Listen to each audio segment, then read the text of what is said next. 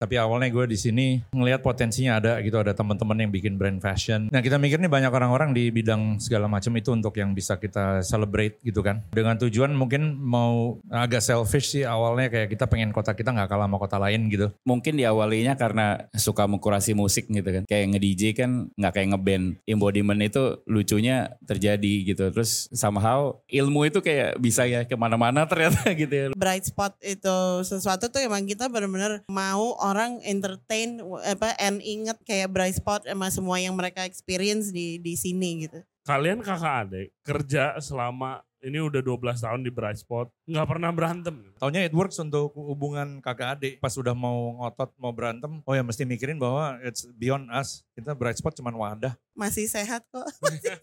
Untung bright spot setahun sekali ya. Iya untuk Bright Spot. Kalau bright spot tiap bulan cakar-cakaran juga.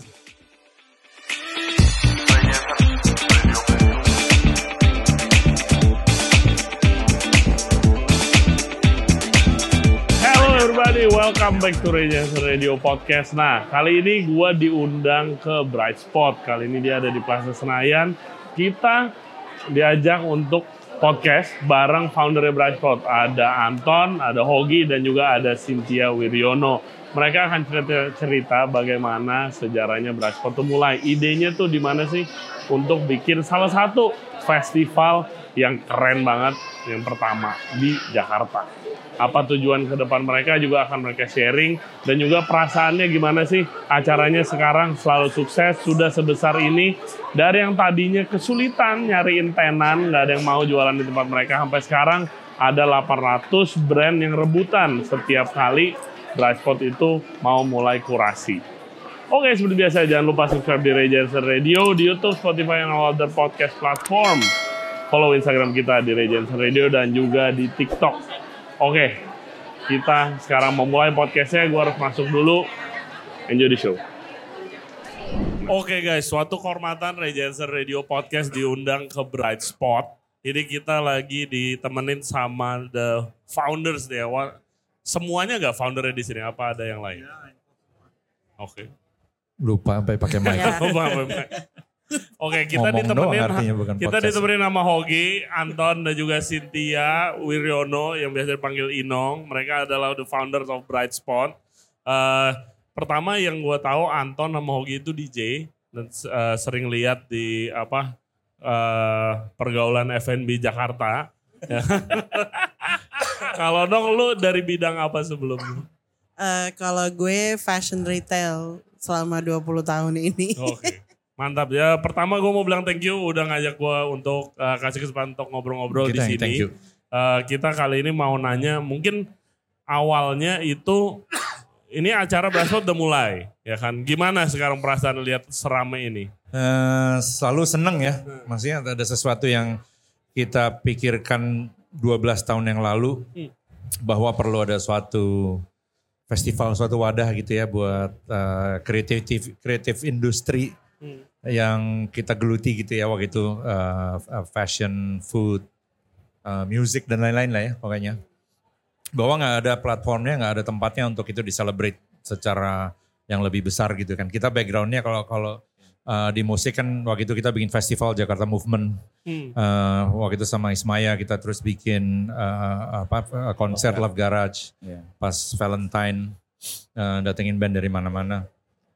Jadi dari uh, sebelum itu gue juga backgroundnya di waktu di luar juga bikin rave Hmm. gitu kan di mana kita take over uh, warehouse atau gudang apa, apa tempat apa pun yang agak aneh outdoor untuk bikin acara di situ. Jadi kayak that thinking to bring sesuatu yang uh, temporer yang pop up um, di festival di suasana festival tuh jadi menarik untuk gedein apa pun yang di dalamnya. Pemikirannya gitu awalnya. Hmm. Kita mungkin Inong sama Hoki Iya. juga zaman-zaman tuh suka crave juga. Kepikirannya dari mana ide ide mau bikin kayak festival ada retail fashionnya dan juga ada makanannya. Awalnya dari mana idenya? Nah kalau waktu itu emang waktu gue eh, Inong Hoki balik dari luar agak agak belakangan ya. Tapi awalnya gue di sini eh, ngelihat potensinya ada gitu. Ada teman-teman yang bikin brand fashion, ada teman-teman yang bikin. Pada waktu itu masih early banget ya. Kalau Hmm, ngelihat scene iya. F&B sekarang udah luar biasa gila gitu. Pada waktu masih masih awal, tapi ada beberapa yang uh, sekolah di mana balik bikin Waktu itu ada Sapianka bikin eclair yang harganya 50 ribu Oh, satunya kayak gitu-gitu kan. Dan termasuk juga. Termasuk Oh, Ray. di sebelahnya. termasuk Itu di sebelahnya. Iya. Iya, kan Pada waktu itu kayak scene itu belum ada gitu kayak Iya. belum ada uh, orang yang dalam sama sama makanan sama branding makanannya segala macam teknik. Nah kita mikir nih banyak orang-orang di bidang segala macam itu untuk yang bisa kita celebrate gitu kan. Hmm. Uh, dengan tujuan mungkin mau agak selfish sih awalnya kayak kita pengen kota kita nggak kalah sama kota lain gitu Hmm. uh, untuk ada semua scene itu gitu kan. Nah, waktu itu uh, karena gue bikinnya festival musik ada yang nawarin waktu itu dari Plus Indonesia, eh bikin dong acara musik tuh si Heru Humanian Le. Iya. Bikin acara musik ini ada tempat kosong untuk berapa lama. Terus tapi gue ada ide terus waktu itu ngomong sama Inong, ngomong sama Leo, Leo Teo Sabrata. Iya. Eh, eh gue ada ide ini nih kira-kira bisa nggak ya kita kumpulin segala macam yang eh, terpilih terkurasi di segala eh, sektor gitu yang menurut kita culture gitu kan pada waktu itu culture juga belum dipakai waktu itu kata-kata itu ya Belum ada terms itu. Termnya belum belum ada. belum nyampe. sekarang ada culture ada skena Eh, terus tahunya pada ini kalau Ogi emang udah udah ikut di musik terus waktu itu eh, pada setuju I think it's a good idea Eh, waktu itu Bright Spot pertama tuh 12 tahun lalu Di mana itu? di EX. EX. Di- Sekarang sudah nggak ada. Gedungnya aja udah nggak ada. Dulu. Jadi extensionnya Plus Indonesia dulu tuh. Iya. gedungnya Iya. aja udah dirubuhin Nah kalau dari waktu the early days, awal-awal susah gak nyari tenan? Eh, susah banget, susah banget. Jadi kita dulu punya 20 25 booth. Iya, Nah, 25. itu setengah mati nyarinya Susah banget. lima Akhirnya kita sebagian- rekayasa Iya. kayak saat ada yang aja. kayak oh apa fix gear bike ya udah naruh fix gear bike satu terus gue kayak belanja satu- di Singapura alat-alatnya Heeh. nyuruh uh, toko Kita sepeda dulu, di oh Bandung iya. untuk jadi toko fix Kita gear. bikin Wow. boot Iya. ini dulu. Dulu fix gear sebelum jadi hip di Indonesia tuh dulu ya. Fix Iya. gear dari Chris suaminya Inong Iya. Jadi kebetulan manggung di Singapura, ya kan? Manggung di Singapura. Eh, belanja sebelum deh. pulang, eh kita belanja. Iya. Terus kayak ada ada lagi tokonya kita harus kayak yaudah deh lu sini lu nggak mereka nggak mau buka booth yang dulu cuman kita sewain sejutaan gitu Iya. kayak belum pada eh gue aduh nggak tahu deh gue nggak bisa nggak Hmm. ya udah ya udah kasih barangnya ke kita kita yang jualin gitu jadi kita mulai mu- eh, mulai bikin toko sendiri Hmm. yang terus kita jagain kita jualin terus ternyata laku banget jadi kayak eh, brand-brand ini sampai harus sambil kita jualan mereka jahit baju lagi kirim lagi jahit baju Wow. lagi kirim lagi narikin dari dari toko dari mana gitu kan. Mm-mm. terus cuman ya dan dan saat itu masih era Facebook jadi kita juga banyak kenal-kenalan sama orang belum ada Instagram Hmm. itu iya masih Belum ada di, Twitter, di Facebook, or apa eh, temen kan ngenalin ke teman lagi pokoknya jadi benar-benar masih kayak eh, komunitas yang sangat kecil gitu ya dulu juga kayak misalnya eh, dulu ada masih ada Aksara Box masih ada segala jadi kita benar-benar ngumpulin semua jenis eh, record store juga ada ya pertama ya Iya. Nih, Iya. jadi nih Sekarang ada, udah jadi- ada record Iya. store sekarang heboh banget tuh yang Sekarang- piringan hitam Mm-mm. scene fi- final juga belum kegoreng kayak sekarang juga. Oh iya, Dulu sekarang jauh. udah naik lagi. Dulu Sekarang udah gila. Udah, Hmm. udah. Nah terus kalau gue dari sisi F&B-nya dulu tuh Braspot paling banyak tuh lima paling tenannya. Salah Iya. satunya gue. awalnya tiga Awalnya tiga. Jangan oh makanannya cuma segini ya bantu Iya. ngeramein gitu. Tapi sekarang justru is one of the apa ya destination The highlight, ya, orang ya, bilang. Yang destination. highlightnya Ba- itu adalah F&B-nya. Iya, gitu bahkan kan. dulu kita namain bake sale Iya, karena iya, bilangnya bake sale. cuma ada tiga orang jual sale, karena cuma dulu di mall nggak boleh masak gitu kalau sekarang di Iya. mall kita bisa pasang exhaust dibolehin oh dulu nggak boleh masak manasinnya nggak boleh Sampai Braspot ke berapa mulai kalian kayak lihat dan apa kayak percaya wah ini ini bakal besar nih. Pernah kepikiran gitu gak? good question ya Hmm. Iya, Um, Kita kita nggak nggak sadar sih just ya. happen tiba-tiba kayak oh interestnya kalau di food jadi gede banget Hmm. Um, mungkin kita realize banget uh, bahwa platform kita jadi efektif banget buat makanan mungkin tuh ada ada si Michael Itlah nih geng Itlah di Oh, sini iya. Uh, sebelumnya di jualan t-shirt terus pas uh, mulai jualan makanan kayak heboh banget ya. Hmm. gitu itu realize-nya mungkin agak later on mungkin di pas di Senayan City ya kemarin ya. Mulai ngelihat itu antrean-antreannya tambah tambah panjang terus uh, food brands-nya mulai macam-macam juga gitu kan mulai pada dalam sama sama makanan sama segala macam ya berapa tahun habis start ya? Lima tahun kali ya? Iya kayaknya lima tahun.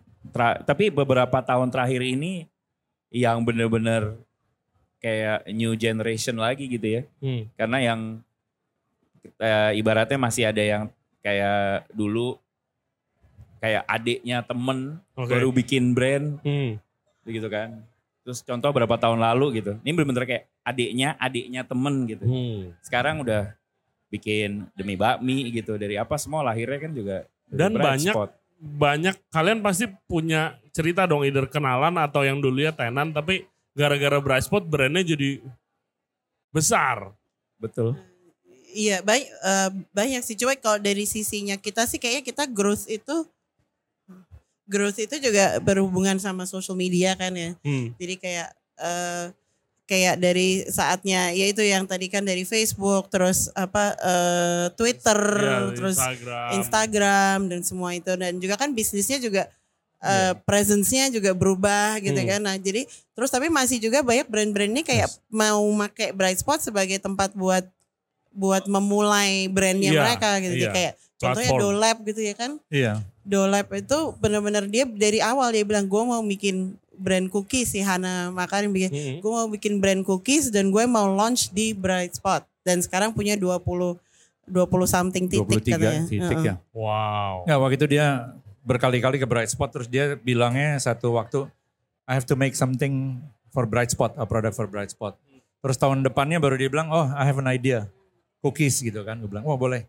Tahun depannya lagi datang ke setahun-setahun ya, datang ke yang di Pick, terus eh, lihat-lihat dia bilang udah tahu dia mau. Nah terus waktu itu dia di PP pertama kali ya, itu belum ada toko, belum, ada Belum toko. ada. bikin dolep pertama sempat ngomel-ngomel, oh lokasi gue nggak bagus gitu kan, pas belum mulai, pas udah jalan berapa jam udah senyum deh. Tuh orang-orangnya, wah gila nih cookies satunya berapa? 50 ribu tuh ya belanjanya dua kantong gitu, terus belanja lagi. Tapi habis itu udah dia dia sekarang outletnya banyak. Iya banyak. Gue gue pernah dapat cerita juga dari teman kayak gila omset kan gue nanya gimana Bright Spot gitu. Uh, wah gila gue Bright Spot sekali aja bisa uh, yang gue dapat bisa buat buka satu outlet, outlet, lagi iya. katanya. Gila, keren keren. Apa yang kalian rasain kalau dengar-dengar cerita seperti itu? Itu kan bantu orang sangat banyak berarti kalian melalui platform Bright Spot tadi. Eh, we're in the wrong business, harusnya kita bikin brand aja. Enggak, Enggak emang misinya untuk itu ya, untuk eh, jadi platform di mana kita bisa menginspire, mengencourage through sharing sama festival atmosphere ini untuk untuk actually make our city better. Gitu sebenarnya awalnya gitu kan. Oh di sini belum ada ini, belum ada itu, kok kita kalah sama kota ini. Sebenarnya misi besarnya itu ya. Em, dan tiap kali senang kemarin juga ngobrol sama anak-anak Demi Bakmi gitu kan.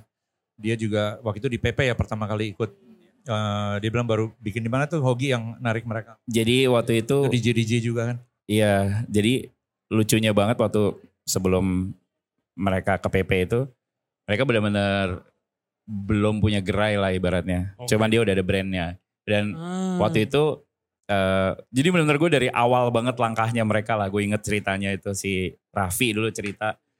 Gue gue beli resep nih gitu, resep. Terus sama temen-temennya, itu benar-benar gengnya semua. Tuh tiba abis itu, nggak lama abis itu, eh gue narik, oh gue gue udah partneran sama eh, Michael Kilian sama Mamat untuk jadi desain, branding, udah wow udah ada lagi.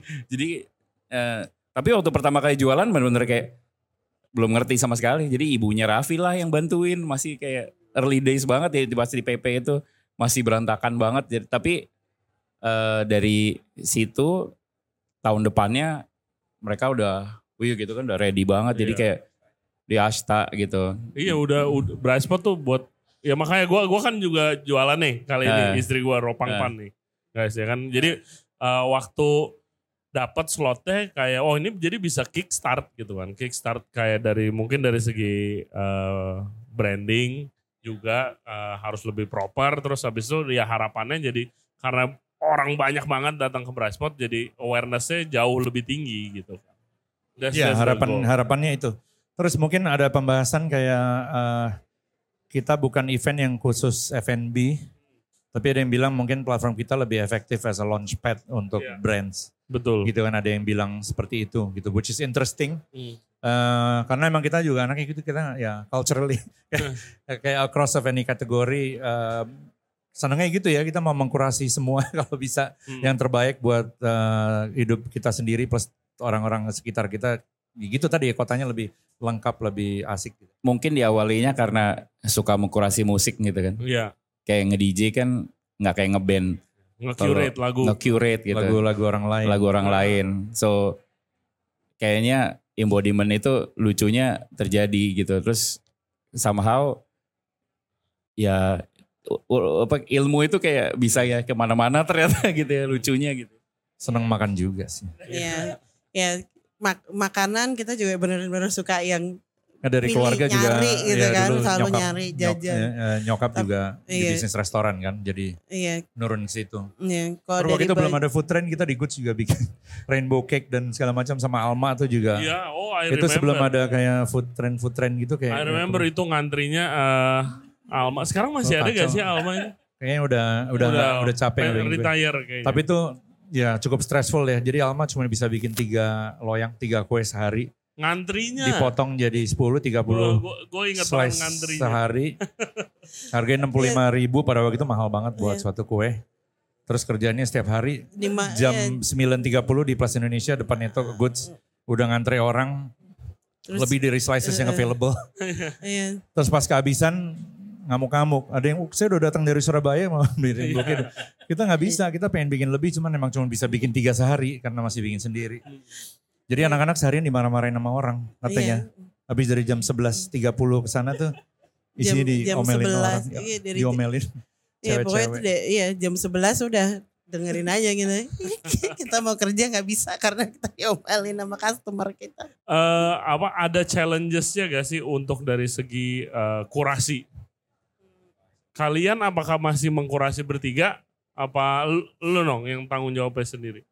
Eh, gue gue hanya eh, meng- apa ya? eh, sebenarnya kita selalu nanya nanya Iya. semuanya gitu. Kita bukan kayak oh nih ini gue suka nih gue ini harus dari sini. Biasanya sebenarnya komite banyak- kurasinya jadi tambah besar tambah besar ya. Iya, jadi tapi juga sem- eh, jadi based on a lot of things kan dan kayak apalagi yang kali ini 800 applicants masuk.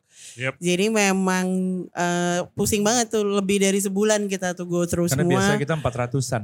Iya, Terus terus tiba-tiba tahun ini meledak Wow. jadi Iya. 800. terus kayak harus ngelihat eh, koleksinya mereka, harus ngelihat eh, Harus ngetes presentasi semua makanannya. I- IG-nya mereka, ngetes makanan, nget, eh, ngelihat sampel baju dan kita juga sam, maksudnya kayak nggak nggak ada deh event bazar gitu yang kayak ngeliatin sampel baju satu Iya. persatu.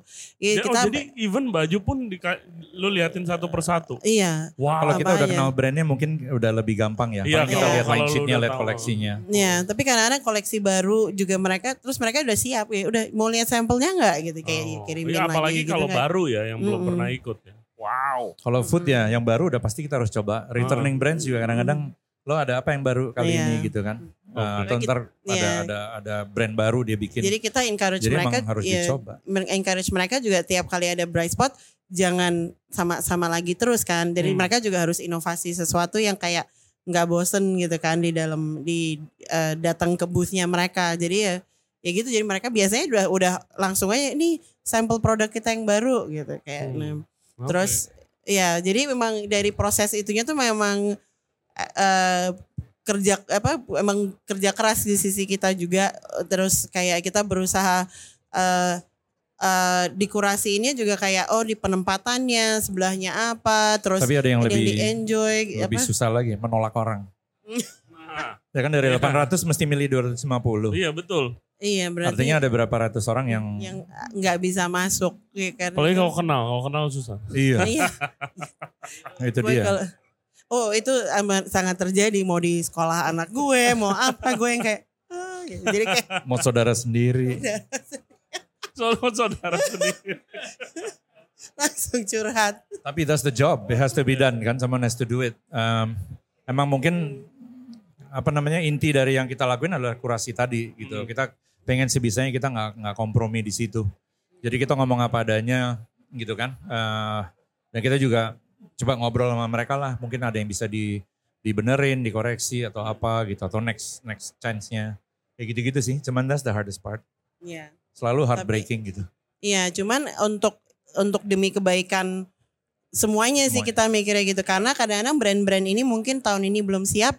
Itu waktu dari awal tuh kayak kayak "Wih, suami gue pernah dikejar-kejarin sama orang bikin brand gitu karena kok nggak diterima kenapa gitu. Cuman akhirnya setelah ngomong dijelasin, maksudnya kalau misalnya itu eh eh konstruktif dan mereka nerima, akhirnya next next time mereka masuk gitu kan. Iya.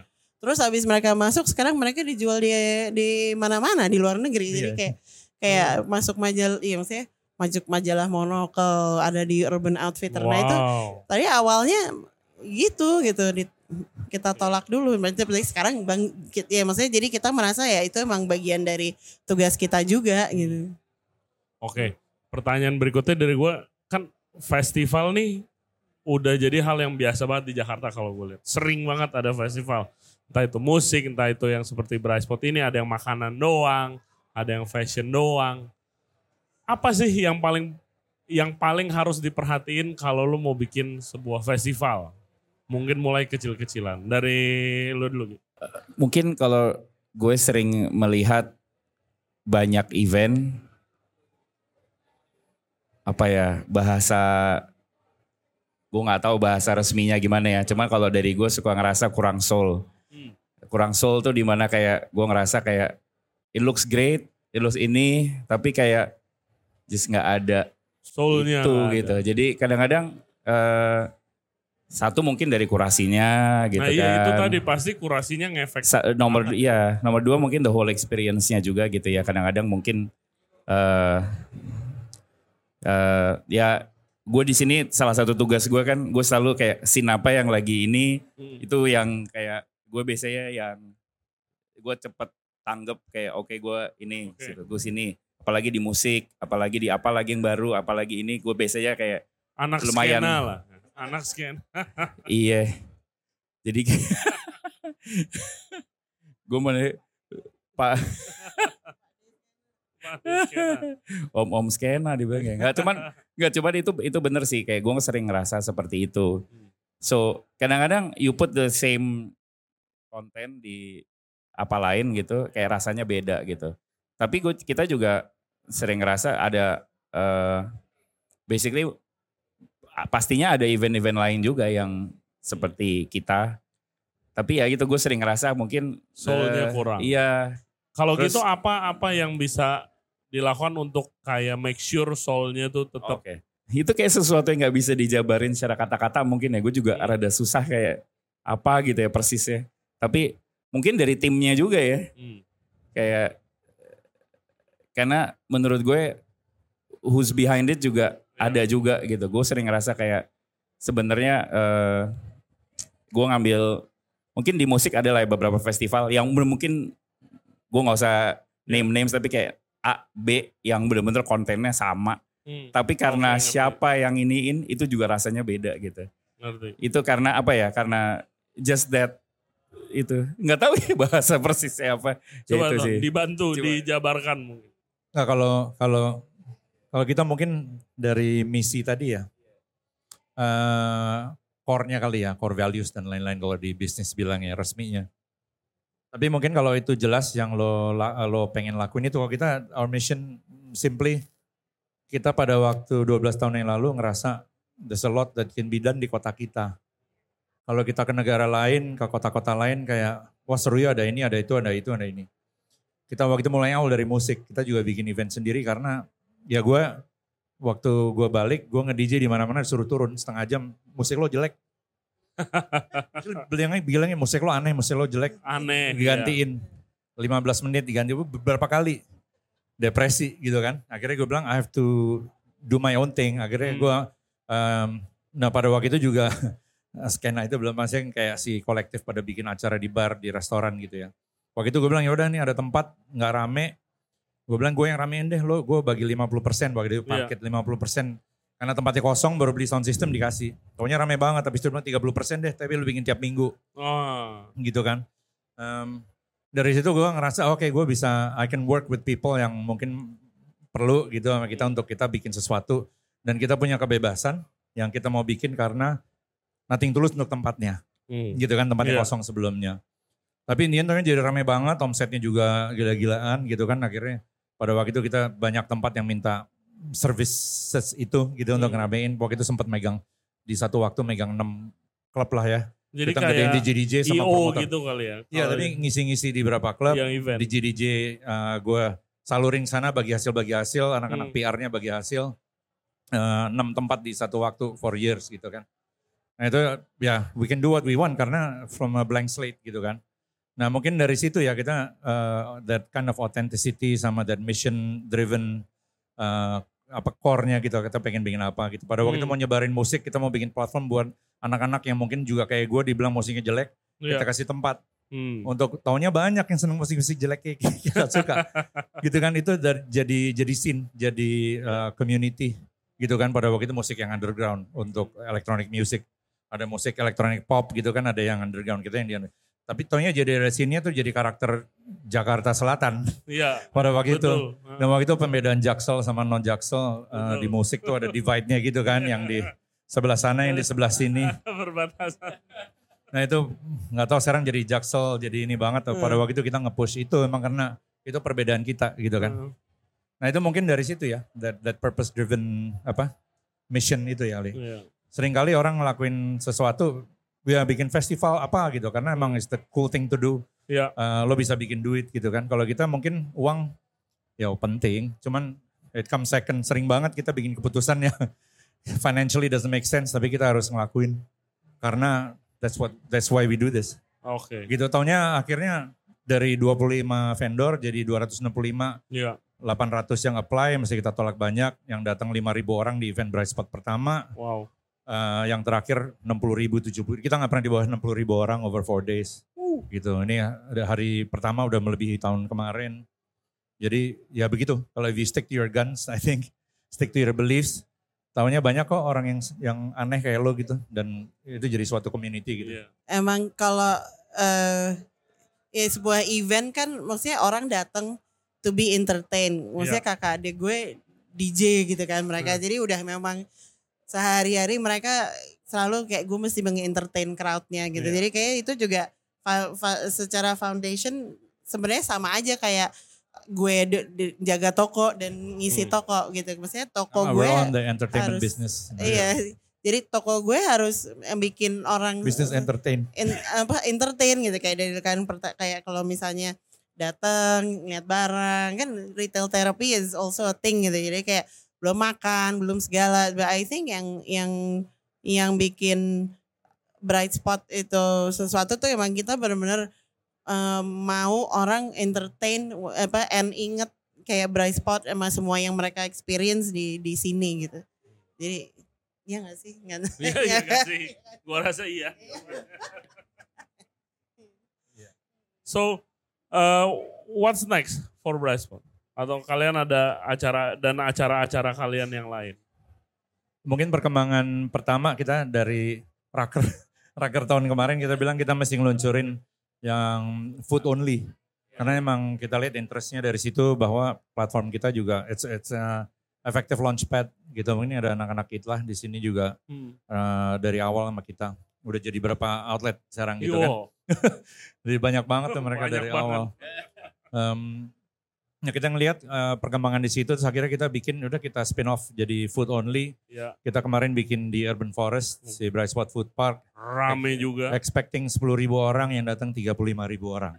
Dan semua orang pada pada piknikan seru banget ya. Oh iya, iya Makan seru banget sih pada piknik, pada Iya. ngegelar tiga. Itu kayaknya baru pertama tahunnya eh, bisa ya piknikan di Jakarta Iya. gitu, it's okay. Sama gue reaksinya. Ya kan gitu kan banyak yang Ini asik realize. juga piknikan ya. Iya.